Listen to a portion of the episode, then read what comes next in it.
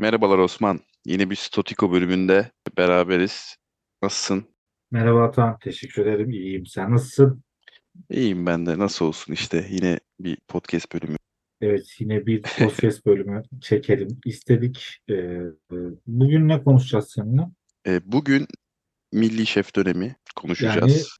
İnönü iktidarından bahsedeceğiz. 1938-1950. Evet. Aslında bir plan dahilinde yapacağız. İstersen onu açıklayabilirsin. Neden böyle yaptığımızı. Hı hı.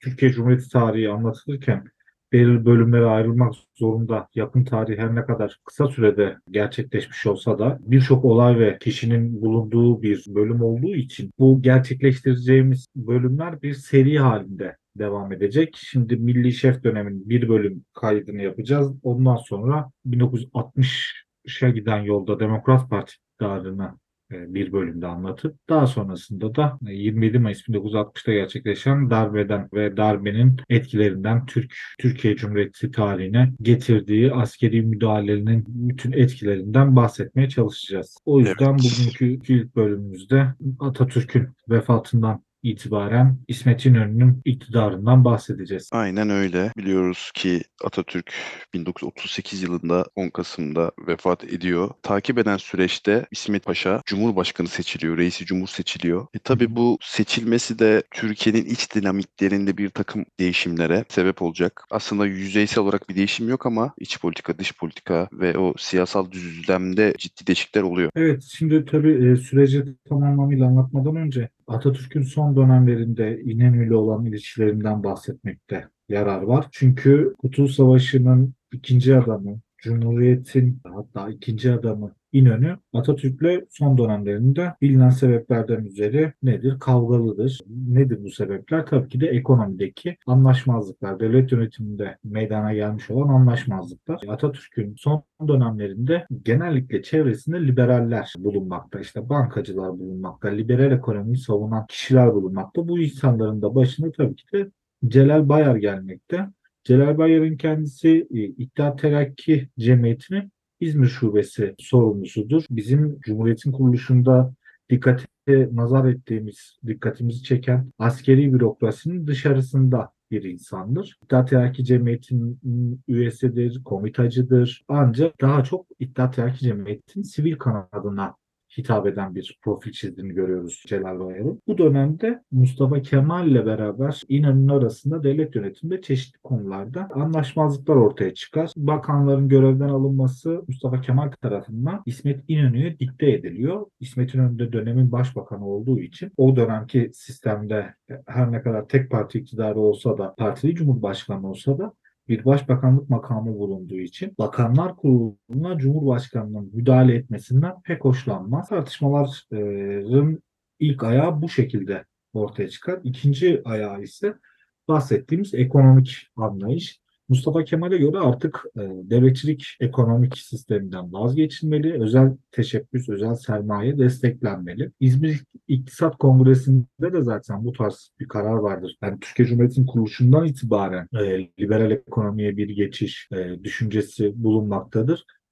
Mustafa Kemal ile İnönü'nün karakter benzemezlikleri, karakterlerinin farklılıkları burada biraz da devreye giriyor. Şöyle ki Atan, İnönü biraz daha sakin, yapılacak adımların daha yerinde ve zamanında atılmasını, bir adım atılmadan önce 40 kere düş- düşünmesini dile getiren biriyken Mustafa Kemal ise tam tersi hemen hızlı bir şekilde yapılacak olan yeniliklerin yapılmasından taraftır. Bu sebepten ötürü yaşanan bir tartışma sonucunda ünlü bir Çankaya sofrasında İnönü artık emirlerinizi akşam sofralarında içki masalarında mı alacağız paşam diye Mustafa Kemal'e bir çıkışır. E, Bu çıkışma sonrasında sabahında biz İsmet İnönü'nün rahatsızlandığını ve sağlık durumundan dolayı devlet işlerinden alındığını yani tabiri caizse ıskartaya çekildiğini ve yeni başbakan olarak Bayar'ın atandığını görüyoruz. Atatürk Türk'ün sağlığının 1937'den itibaren bozulmasıyla da CHP küskünlüğü ön plan çıkmış olan İnönü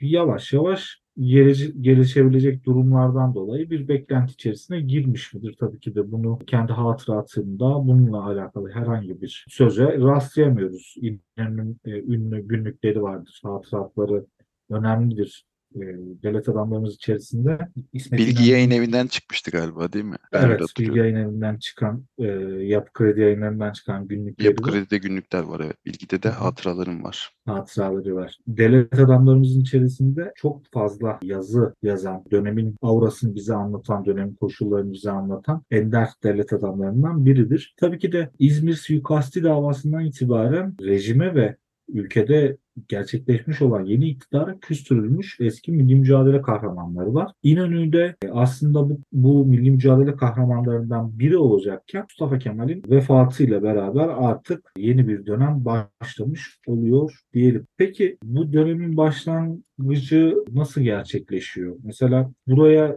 pek dikkat edilmiyor nedense. Aslında İnönü Mustafa Kemal vefat ettiğinde sadece bir milletvekili. Evet parti üyesidir ama partinin Cumhuriyet Halk Partisi'nin herhangi bir organda görev yapmamaktadır. İnönü haricinde Cumhurbaşkanı olabilecek isimler var mıdır? Abdülhak Renda gibi Fevzi Paşa var ya mesela. vardır. Yani evet Fevzi Paşa Hak var. edenler kısmında çok kişi Ha. var da. Çok kişi var.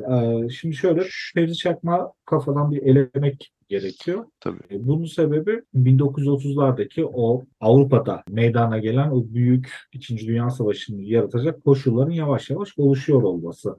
İtalya'da ve Almanya'da faşist bir faşist birer iktidarın iktidara gelmesiyle ordunun başında önemli bir konumda bulunan, ordunun başında bulunan Fevzi Çakma siyasete zaten çok sonradan biz mecbur kaldığı için hatta bulaştığını görüyoruz. Bu sebepten dolayı Fevzi Çakmak hak eden bir aday, ismi geçebilecek biri ama doğal bir e, aday değil bu dönemde.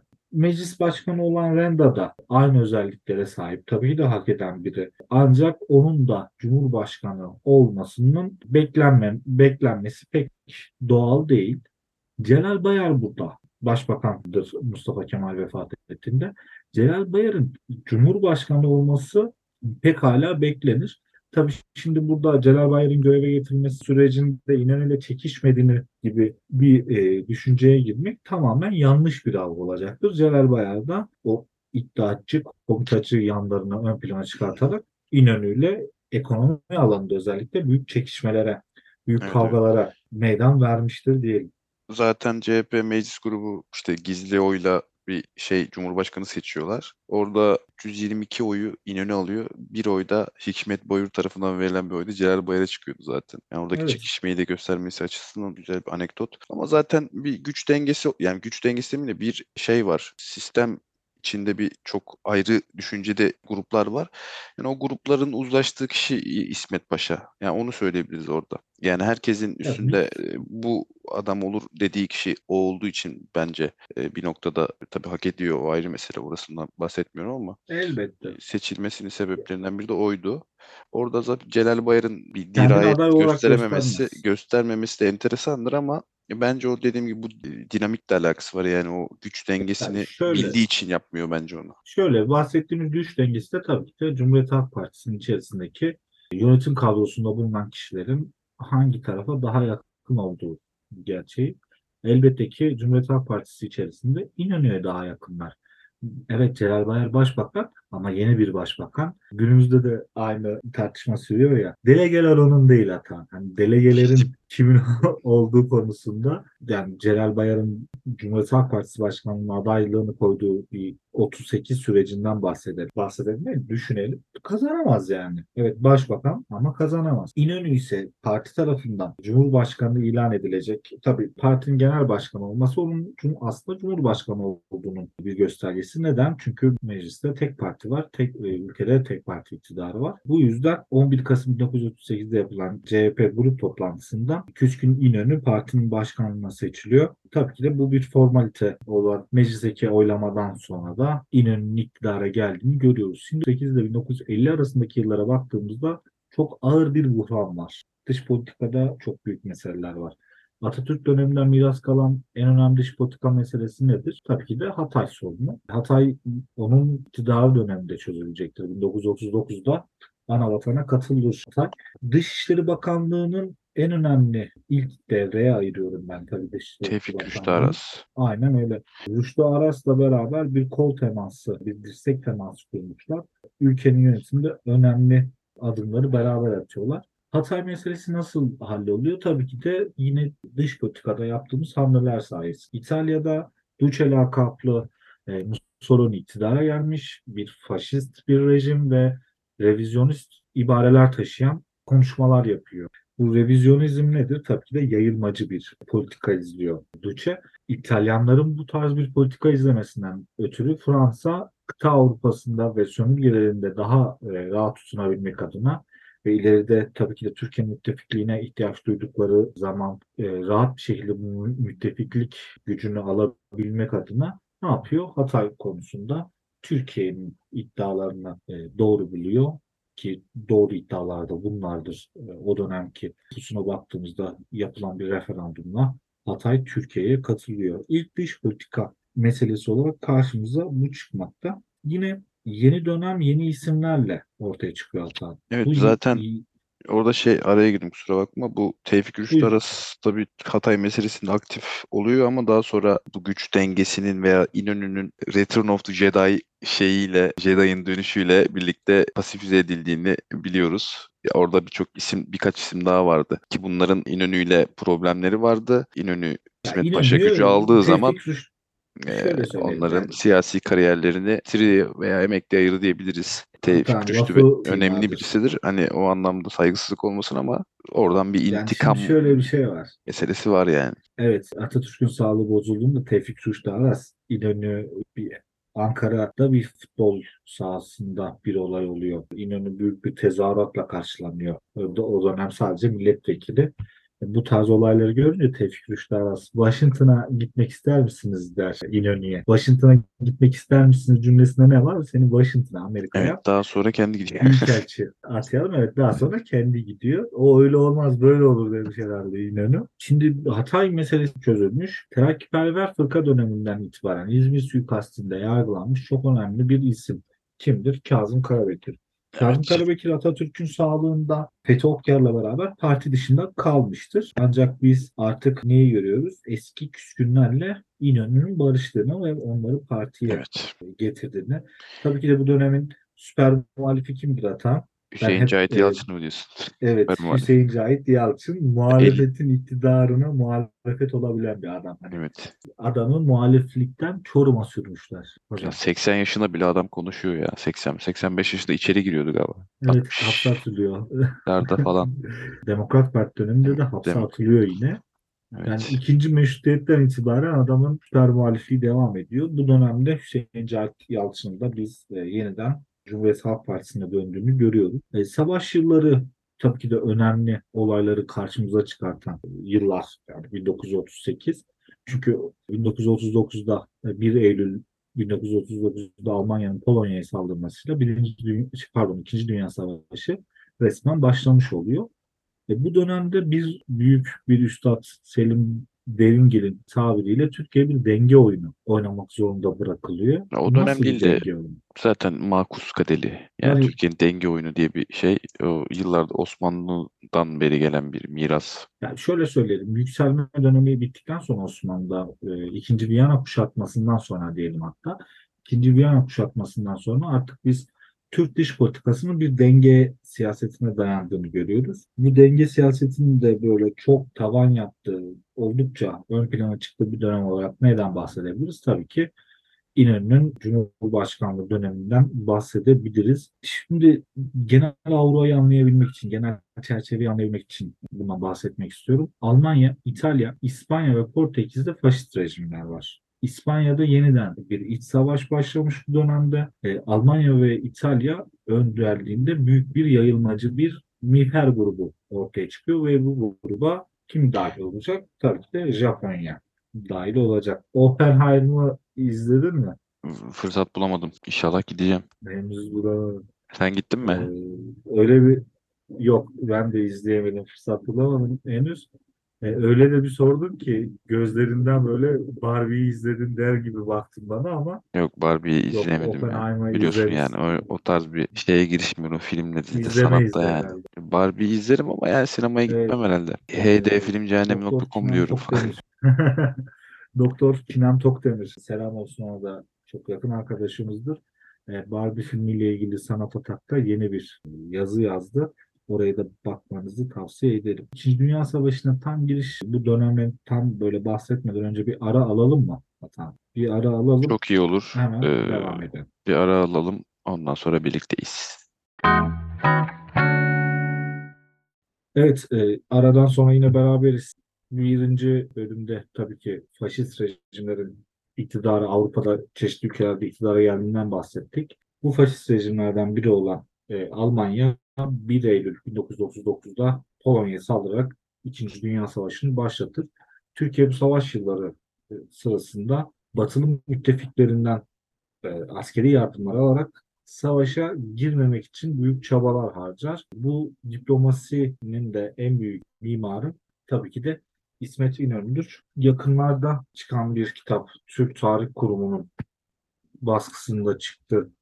Ee, Türk diplomasisi 2. Dünya Savaşı'nda Türk diplomasisi Nezihe Selcan Korkmazcan'ın kitabı daha yeni edindim ben. Tam bu dönemin diplomasisine Selim Deringil'in ve Denge Oyunu gibi o da ışık tutuyor diyelim. E, güzel bir kitap öneririm ilgisi olanlara. Türkiye bu dönemde Almanya'yla büyük ticari ilişkiler geliştiriyor. Nedir bu ticari ilişkiler? Tabii ki krom satışı. E, Türkiye Almanya'ya krom batılı müttefiklerine bakır satarak savaş e, yıllarında büyük bir ticari kar elde ediyor. Lakin Türkiye daha yeni sanayileşme adımları atan bir ülke olduğu için birçok ürün savaş yıllarında Türkiye'ye ithal geliyor. Evet, savaş koşulları sebebiyle de büyük bir bu ürünlerin temininde büyük bir sıkıntı yaşanmakta. Günümüzde de hep duyarız işte savaş yıllarında ekmeğin karneyle dağıtılması, gaz gruplarının oluşması. Bunun sebebi tamamen aslında savaştır. Çünkü bu ürünlerin hepsi Avrupa'dan ithal gelmekteydi. Evet şeyi unuttun. e, camilerin ahır olduğu meselesini unuttun. Evet, e, o Demokrat Parti'nin kuruluşuna yakın biraz daha savaşın sonlarına o- doğru. Evet ama şey yani bu tahıl şeyi için stoğu için sanırım öyle meseleler var. Yani onu tabii şaka yolu söyledim. Yani günümüzde bile e, Ukrayna Savaşı, Ukrayna-Rusya Savaşı'nda biliyorsunuz önemli Kiliseleri falan. tahıl- ko- onlarda da kiliseler olmuş? Yani şöyle e, bahsetmek gerekir tabii ki e, bu dönemin e, sıkıntılarından çok ağır bir ithal ürün sıkıntısı bulunmakta. Süt tozu mesela ilk defa bu dönemde görülüyor. Neden süt tozu? E, Türkiye'de hayvancılık yapılıyor ancak artık Avrupa'dan herhangi bir şekilde ihtiyacımızın tamamını iç piyasa karşılayamadığı için Avrupa'dan alıyorsunuz. Dış piyasadan alıyorsunuz. Bu e, dış piyasada bu dönemde herhangi bir tedarik zinciri olmadığı için büyük sıkıntılar yaşanmıştır. Tabii ki bu dönemin sıkıntılarını aşabilmek için dönemin hükümeti e, yol vergisi, varlık vergisi ve özel mülkiyetin, devletin özel mülkiyeti istediğinde yok edebildiği bir kanun olan Milli Koruma Kanunu çıkartıyor devlet bu dönemde. Bu üç vergi önemli. Yol vergisini ve varlık vergisini karşılayamayan mükellefler çalışma kamplarında ya da yol inşaatlarında zorla çalıştırılmak suretiyle bu vergiyi devlet tarafından bu verginin alındığını biliyoruz. Yol vergisi hatırlarsan Atan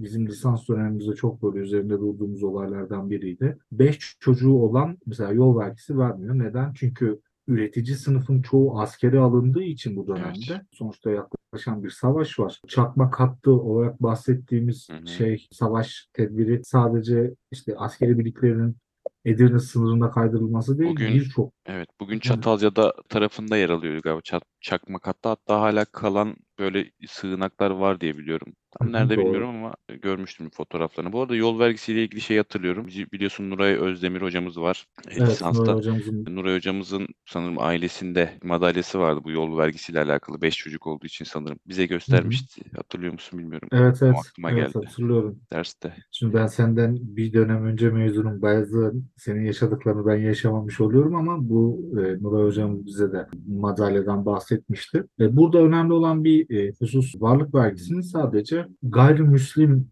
Türk vatandaşlarından alındığı gibi bir husus var. Aslında bu Osmanlı bakiyesi bir mesele. Çünkü Türkiye'de yaşayan gayrimüslimler Anadolu Türkleri yani Anadolu'da yaşayan halk gibi tarımla uğraşıp gününü geçirmeye çalışan insanlar değil, farklı insanlar olarak karşımıza çıkmakta. E, varlık vergisi kapsamına da bu insanların sokulduğu görülmekte. Evet, Yine de sağ bu güç dinamiklerinden bahsederken bu iddiaçılığı da bir kenara koymalım. Bu iddiaçılık düşüncesinin aslında Cumhuriyet döneminde de var olduğunu da yani son demlerinden bahsediyorum gösteriyor bu yol vergisi ki daha hı. sonra biliyorsun Demokrat Parti dönemindeki uygulamaları daha doğrusu o kötü olayları diyelim. Yani o da Yani şöyle iddiaçılığın bir uzantısı olarak görüldüğü söylenebilir diyebilirim. En azından yani söylenir demiyorum ama söylenebilir diyebilirim. Şunu söylememde e, ben bir sakınca görmüyorum. 27 Mayıs 1960'a kadar bu ülkeyi İttihat Terakki'nin üyeleri, İttihat Terakki'nin mirasçıları yönetmiştir. Cumhuriyet Halk Partisi ile İttihat Terakki arasında politikalar bazında çok büyük farklılıklar yoktur. E son cum yani 27 Mayıs 1960'ta Cumhurbaşkanı olan Celal Bayar ben iddiatçıyım diyerek Evet, e, silahla karşılıyordu darbecileri. Evet, hayatını kaybetmiş bir insandır darbe sonrasındaki süreçte. Şimdi bu savaş yıllarında çıkan vergileri tabii ki de o dönemin toplumsal yaraları olarak değerlendirmekte tabii ki de yarar var ama e, savaş koşullarının insanları bu duruma mahkum ettiğini de göz ardı gerek. edemeyiz. Mesela en güzel mukayeseyi de yani güzel derken e, tabii uygulama anlamında demiyorum da dışındaki emsal ülkelerdeki yapılan vergilendirmelere de bakıldığı zaman benzerlik gösterdiği ülkelerde var. O yüzden Evet, mukayese ederken bu şekilde etmek daha akademik e, yani bakış açısına oturuyor diyebilirim yani. Evet, bu 1999 yılı yapımı Salkınman'ın Taneleri, Taneleri filmindeki gibi sadece Rumlardan alınan bir vergi değil. Evet, Lefter Küçükhan Danyanis Fenerbahçeli efsane futbolcu milli takımda oynamaktadır. Ancak varlık vergisinden dolayı çoğu malına devlet tarafından el de koyulmuştur. Sadece Rumların mallarına el koyulmuş gibi aksettirilmenin bir anlamı yok. Türkiye'de yaşayan Türk Yahudileri de varlık vergisinden dolayı bu vergiyi ödemek ödemek zorunda bırakılmışlardır. Keza yol vergisinde insanlar köylerde kaçıp dağlara sığınmak zorunda kalmışlar. Şimdi zorla çalıştırılma kampına götürülüyorsunuz ama hani bunu şey olarak algılamayın. Hani gidip böyle 15-20 gün bir yerde e, bedenen verginizi ödediğinizi falan düşünmeyin. Yani sağlık koşullarının tamamen çok kötü olduğu, Sovyetlerin kolhozları gibi. şey düşünebiliriz böyle eski western filmlerindeki mahkumları çalışma kamplarına Aynen götürüyorlar öyle. ya. Yani tabii zincir bağlamıyorlardır ama hani biraz benzer şekilde e, bir şey Ya, evet olabilir varlık vergisi ve köy vergisindeki bu zorla çalıştırmayla alakalı Kelebeğin Rüyası filmi Evet. gerçekten o döneme ışık tutan bir eserdir diyelim. Halk savaş koşullarından dolayı aşırı şekilde yıpranmış durumda. Yine bu dönemde e, tek parti iktidarından dolayı aşırı şekilde halkın ezildiğini görüyoruz. Vergilerle eziliyor. Savaş koşullarının getirdiği o işte ürün bulamamak, çocuk hastalıkları, Metin Metin Soy'un çok önemli bir çalışması, e, ödüllü bir çalışması vardır. İkinci Dünya Savaşı Türkiye'sinde sosyal yaşam. Yani kitabı inceleyenler bilir, İş incelemeyenlere de.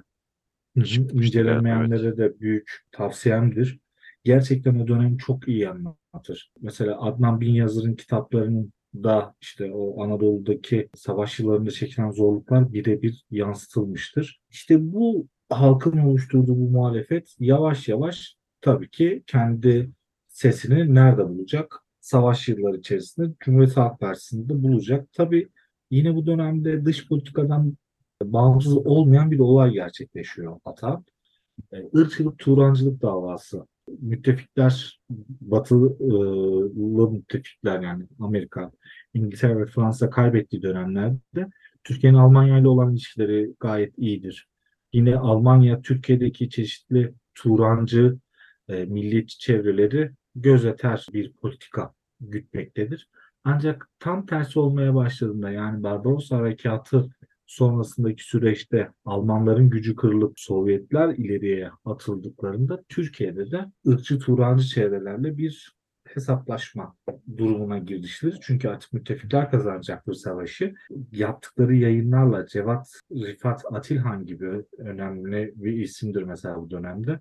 Onun yaptığı dergiler mesela birebir Alman Nazi dergilerinin birebir kopyasıdır. Antisemitist yazılarla, e, karikatürlerle bezeli birçok dergi basmıştır. Yine bu dönemde e, Zeki Velid Togan, e, büyük tarihçi, Zeki Velid'in e, önemli dergi çalışmaları vardır. Almanlar Evet. tarafından finanse edildiği bilinmektedir bu bu- çalışmaların. Evet, şimdi dinleyiciler için de böyle bugünden bakınca böyle aa Nazileri destekliyorlar falan gibi bir düşünce olabilir ama şey yani tabii bulunduğu dönemle ilgili bir, bir mesele bu yani konjektüre bakmak gerekiyor onu belirteyim. Ya Ee, şöyle bu bir yanlış insanlara hani Nazi veya yaftalaması gibi bir şeyde bulunmuyoruz ama Hı hı. tabii konjektürün getirdiği şeyler bunlar. Şöyle bir e, yanlış bir anlaşılma var.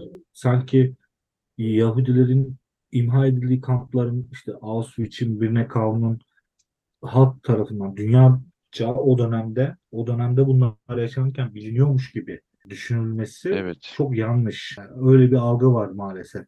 Hayır, kesinlikle böyle bir durum söz konusu değil. Savaş müttefikler tarafından kazanıldığında toplu mezarlar, imha bölgeleri, toplama kampları o zaman insanların karşısına çıkmıştır. Bu olayların nasıl gerçekleştiğini insanlar o zamanlarda öğrenmişlerdir. Anne Frank'ın Hatıra Defteri diye bir kitap vardı meşhur bilirsin. Hı hı. Evet evet. E, O da mesela Hollanda'da Bu yaşayan bir e, pardon Hollanda değil de Hollanda'ya kaçıyorlar e, Almanya'dan hı Yahudi hı. kökenli e, Musevi kökenliler. İşte oradaki gizli saklı yaşamlarını ki Avrupa'daki o e, baskıcı ortamı biliyorsun ve daha sonraki bu kamp meselesinde bu 13 10, 12 13 yaşındaydı kız galiba. O anlatıyor. Evet. Daha sonra bu yayınlanıyor ve inanılmaz şeylere, rakamlara ulaşılıyor, ulaşıyor bu kitap çıktıktan sonra. Tabii ama Hı hı. Anne Frank e, maalesef e, öldükten sonra yani e, hayatını kaybediyor o dönemde. Evet kampta kampta hayatını kaybediyor. Hatta American Horror Story dizisinin bir bölümüne de bu Anne Frank iki bölümüne hatta konu ediliyor. Hı hı. İşte daha akıl sonra- hastası bir kadın kendisinin Anne Frank olduğunu iddia ediyordu. Kitap okumayanlar için de Arif Olman'ın bununla ilgili bir şeyi vardı. E, bağımsız çizgi romanı var. Çok güzel. E, Baobab yayınlarından çıkma onu da tavsiye edebilirim. Kitap okumaktan Yani- hoşlanmayan insanlar için. Yani şöyle İkinci Dünya Savaşı ve bu e, Nazi kat, Nazilerin Yahudi katliamıyla Holocaust'la ilgili binlerce kitap, binlerce film Aa, evet. önerilebilir. Bu arada evet onunla ilgili bir Ee, çizgi roman da önereyim. Yeri gelmişken Mouse Art Mouse. Spiegelman'ın inanılmazdır iletişimden çıkma bir çizgi roman diyeyim ona. Kediler ve fareler e, üzerinden Nazi ve bu işte Yahudi Musevilerin hikayesini anlatıyor. Onu da bakmanızı öneririm. Yani e, popüler kültür bölümüne şöyle bir taş atarak bitireyim. E, Oscar ödül törenlerinde Oscar kazanmış filmlerin çoğunun Yahudi yapımcılar tarafından ve e, Holocaust'u anlatan kitaplar yani filmler daha doğrusu olduğunu bilmekte yarar var. Tabii ki biz e, Norman Finkelstein'in Holocaust Endüstrisi'nde önerelim. Önemli bir kitaptır. İsrail Devleti'nin Film de önereyim. e, Film de önereyim. Son of Saul diye bir. Macar yapımı film var. Yani bu bilinen Hı filmler dışında söylüyorum ki belki duyan vardır. Yabancı dilde Oscar almıştı. 5-6 sene oldu galiba. O film de çok güzeldir. Ve bu Evet, bahsettiğimiz öneri- Hollywood dışında bir yapım olduğu için ondan öneriyorum. Yani bu Spielberg'in vesairenin yaptığı gibi bir şey de değil. Veya Polanski'nin. Daha böyle bir bağımsız türden bir yapım. Bunu öneririm. Evet. Ee, şimdi benim aklıma da hemen Unsere Mater Unsere e, Fatih geldi. Neyse yani bu konu bizim bölümümüzü artık aşar. Yani savaş yılları Türkiye içinde e, savaşa maruz kalmasa da Türkiye savaşa bizatihi girmese de savaş yılları Türkiye içinde çok ağır geçiyor.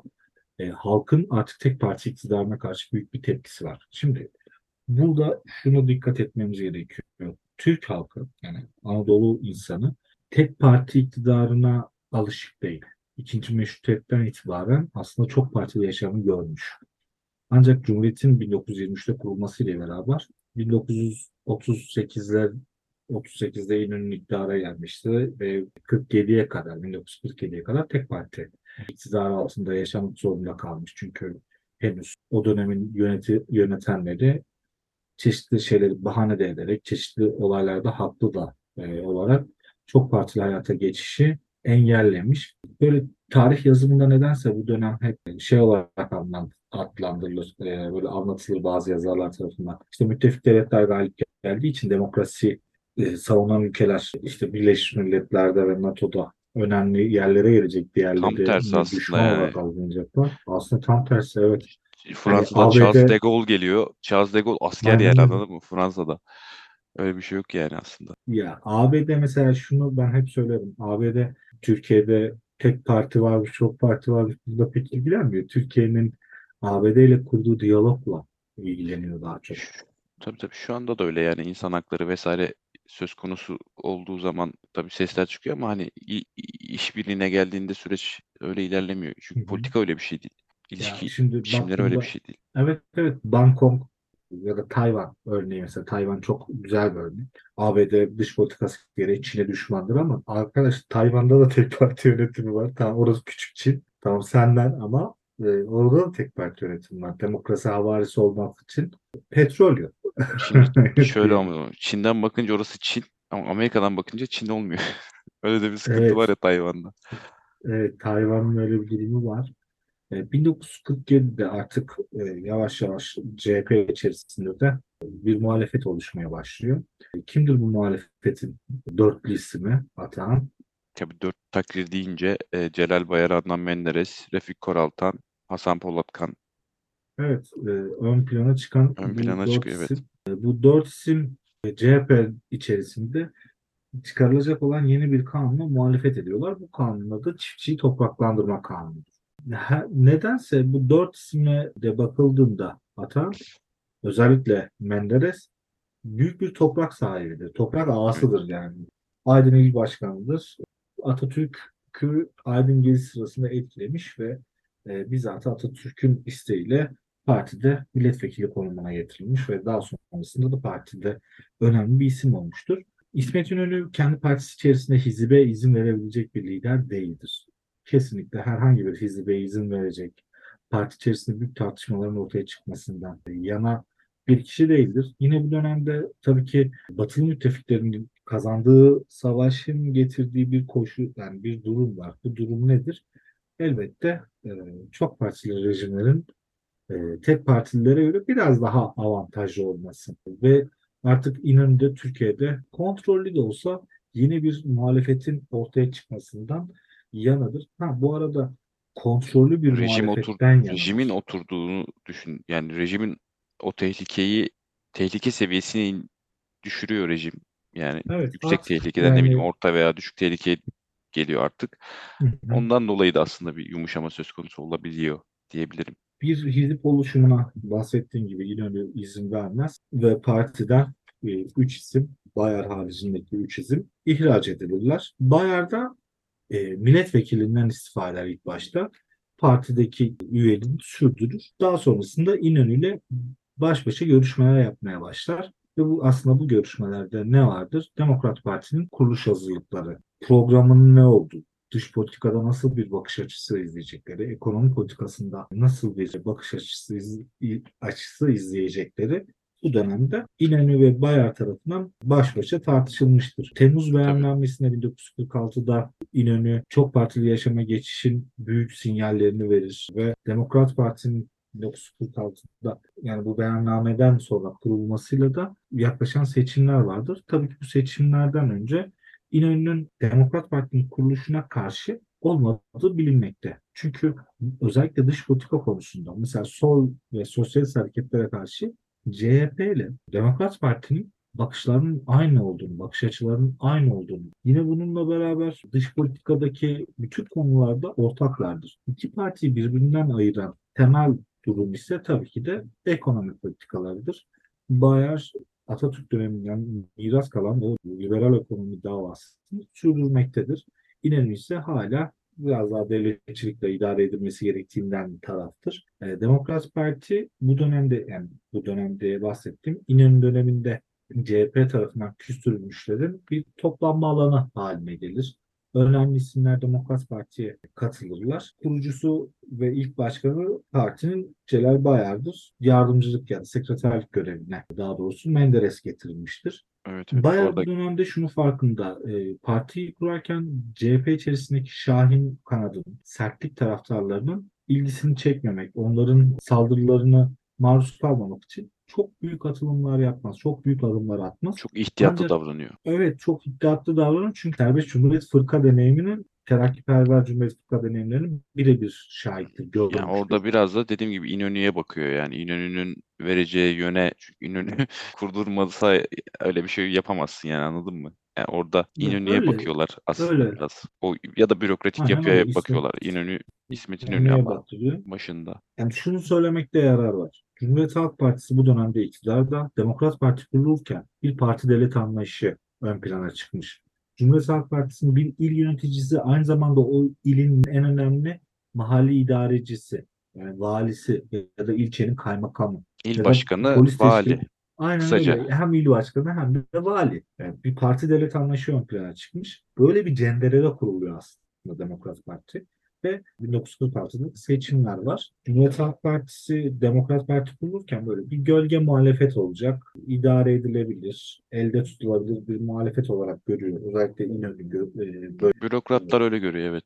Hı hı. Özellikle İnönü O- de böyle görüyor. İnönü, İnönü bilmiyorum ya belki ya İnönü'de şey Hayır. şu var tabii ya bürokratlar ona ne söylerse o anlamda bir yönlendirme olacağı için yani daha çok bu bürokratik kısım üst kısmı bu CHP'nin halktan hikayesi var ya aslında o temel noktanın burası olduğu da biraz açık yani burada çok açığa çıkıyor. Bu Evet, öyle. elit kesim dedikleri kesimin e, nüansı var yani orada. O onların yönlendirmesi çok etkili yani bu gölge Bu muhalefet kertede söyleminde. Bu kertede önemli. Ee, Demokrat Parti kurulumu kurulduğunda İnönü mesela programda Güneydoğu Anadolu bölgelerinde Demokrat Parti'nin örgütlenmesinden pek taraf değildir. Ancak bu örgütlenme yapılmıştır. 46 seçimleri erkene çekilecek. Bunun sebebi nedir Atahan? Bunun sebebi tabii ki de Demokrat Parti'nin bir anda halk tarafından büyük bir sevinçle karşılanması, büyük bir destek görmesi e, halk kitleleri tarafından. Hemen İnönü burada, İnönü demekten ziyade aslında Cumhuriyet Halk Merkezi Partisi'nin rejim, Cumhuriyet Halk Partisi. e, merkez yönetimi hemen burada müdahale edip seçimleri erkene çekip Demokrat Parti'yi aslında kazanabil çok daha fazla milletvekili kazanabileceği bir seçimde erken bir seçimde mağlup ediyor. Şimdi o Bu seç- halk tarafından unutulmayan bir olay olacak. evet sopalı seçim diye de bilinir zaten tarihimizde. Bu zaten yani bu seçimdeki bu olayların çıkması veya bu hilenin karıştırılması da bu dediğimiz gibi il başkanları, valilerin aslında genelde edindiği tavırla oluyor. Yani oy sayımında Tabii tabii. Ki şeyler rezillikler vesaireler ki İsmet şöyle- Paşa bunu fark ettiği zaman zaten İsmet Paşa bunu büyük ihtimalle bu seçimden sonra bunlar ortaya çıktıktan sonra ki biliyorsun o e, 46'dan sonra 50'ye kadar bir yumuşama dönemi vardır. Büyük bir ihtimalle İsmet Paşa'nın benim tahmin ediyorum bunu fark ediyor. O yumuşama döneminin de sebebi bence biraz bu Demokrat Parti'nin bu gücünü görüyorlar ve işte ne bileyim o, o bürokrat kesimin aradan çıkartma ya da işte emekli etme az önce diyorduk ya tekrar alayım. Yani o bürokrat kesimi ortadan kaldırma e, halka tekrar CHP'ye bağlantı kurma e, aşaması deniyor ama çok Ya. geç kalınıyor tabii. Şöyle söyleyelim Hasan. Şimdi mesela çok önemli bir e, olay Vehbi Koç bu dönemde Cumhuriyet Halk Partisi'nin halktan koptuğuyla alakalı birçok rapor yayınlar. Hilmi Uran da dalga geçer mesela Vehbi Koç'la. Ya bir rapor yok mu işte bakalım halkın halkla aramız açılmış ya Vehbi Bey bir rapor getir de bakalım öyle miymiş değil miymiş diye. İki tarafta birbirine güvenmiyor işin açığı. Cumhuriyet Halk Partisi Demokrat Parti'ye, Demokrat Parti de Cumhuriyet Halk Partisi'ne güvenmiyor. Programında Demokrat Parti'nin programında eğitim, sağlık gibi halkın çok aslında önemsediği gündelik yaşamla ilgili herhangi bir madde bulunmuyor. Ekonomiden, laiklikten bahsediliyor. CHP'nin bir prototipi gibi görünüyor. Ancak halk CHP haricinde bir parti olduğu için büyük bir şekilde, büyük bir destekle Demokrat Parti'yi destekliyor. Ve Demokrat Parti 46 seçimlerinde ikinci parti olarak e, meclise girmeye hak kazanıyor. Seçim kanununun bile seçimlerden önce değiştirilmemiş olması da bu güvensizliğin sebebidir. Neden? Çünkü nispi seçim e, sistemi var. İktidara gelen parti aldığı oy oranına bakılmaksızın parlamentonun yüzde seksenine varan milletvekili sayısını kendi elinde Evet. tutabiliyor. Topal Ya bu- ördek oluyor aslında şey muhalefetteki Aynen parti. öyle. Hiçbir şey Muha- yapamıyor. Tabii ki, tabii ki. Ee, yani bunun sebebi nedir? Tabii ki e, Cumhuriyet Halk Partisi'nin seçimler öncesinde kendine çok güvenmesi. Ha, bir güvensizlik mi oluştu? Zaten açık oy kapalı sayım sistemi var. Evet. Oyu insanlar e, kullanırken kime oy verdiğini gösteriyor. Ama sayıma geldiğinde siz gidin işte sandık kurulları sayacak, memurlar sayacak. E, böylece istediği adamı istediği gibi iktidara getirebilirsin yani. İşte bu yaşananlar büyük bir mağduriyet edebiyatı, büyük bir mağdurluk söylemi daha doğrusu ortaya çıkaracak. 1950 seçimleri öncesinde, e, 1950 seçimlerinde bir sonraki bölümde anlatacağız. 1950 seçimlerinde Demokrat Parti'nin iktidara gelmesinde bu yaşananların çok büyük etkisi vardır diyelim Hasan. Öyle, öyle diyelim. Bugün asıl 38'den 50'ye kadar olan sürecin bir e, özeti diyebiliriz. Hı hı. Özetini yaptık. Bir dahaki bölümde ne yapacağız Osman? 1950'yi Bir dahaki bölümde 1950 Demokrat Parti- 1960 anlatacağız. iktidarını. Temel Demirel'in o güzel tabiriyle Cumhuriyet'in o uzun 10 yılını atacağız. Türkiye'nin uzun 10 yılı isimli bir kitabı var ve 27 Mayıs'ı anlatır. Temel Demirel hocam çok önemli bir eserdir. Ee, yine tabii biz bölümümüzün altına bir okuma listesi veririz. En azından Milli Şef dönemiyle alakalı.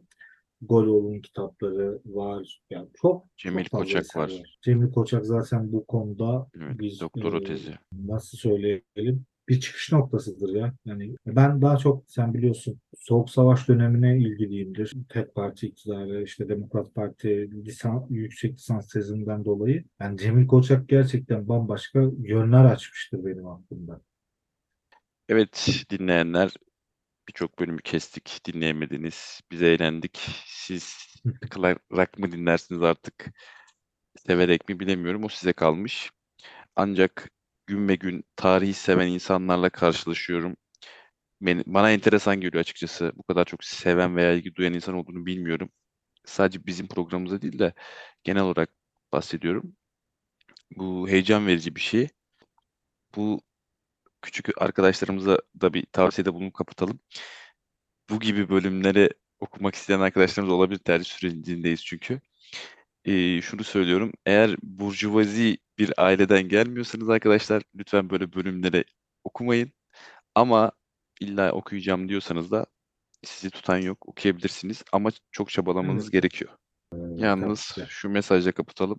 Ne okursanız okuyun, iyi, iyi insan olun, Evet ahlaklı olun. Atan bir bir klişe ne zaman gelecek diye bekliyordum Evet. kardeşim. Artık e, programı da kapatma vakti gelmiş. Evet. Kendine dikkat et olur mu? Sen de Osman. Evet, e, Statiko'nun dördüncü bölümünden hepinize selamlar. Hoşçakalın. Kendinize iyi bakın. Görüşmek üzere.